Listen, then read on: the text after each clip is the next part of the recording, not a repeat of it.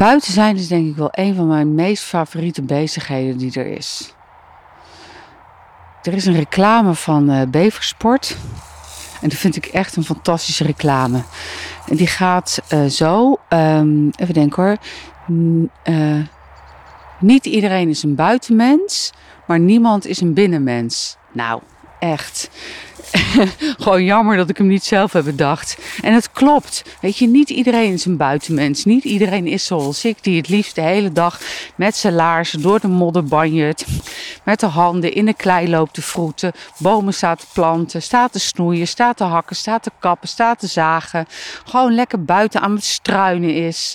Nee, ik snap dat niet iedereen zo is. Maar niemand is geboren om de hele dag op een bank te zitten. Of om de hele dag binnen te zitten.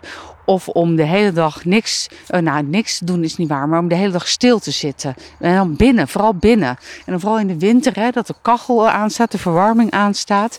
Dat is een soort, nou ja, onnatuurlijke warmte, een onnatuurlijke temperatuur. Niet de, de temperatuur die de natuur aangeeft op dat moment.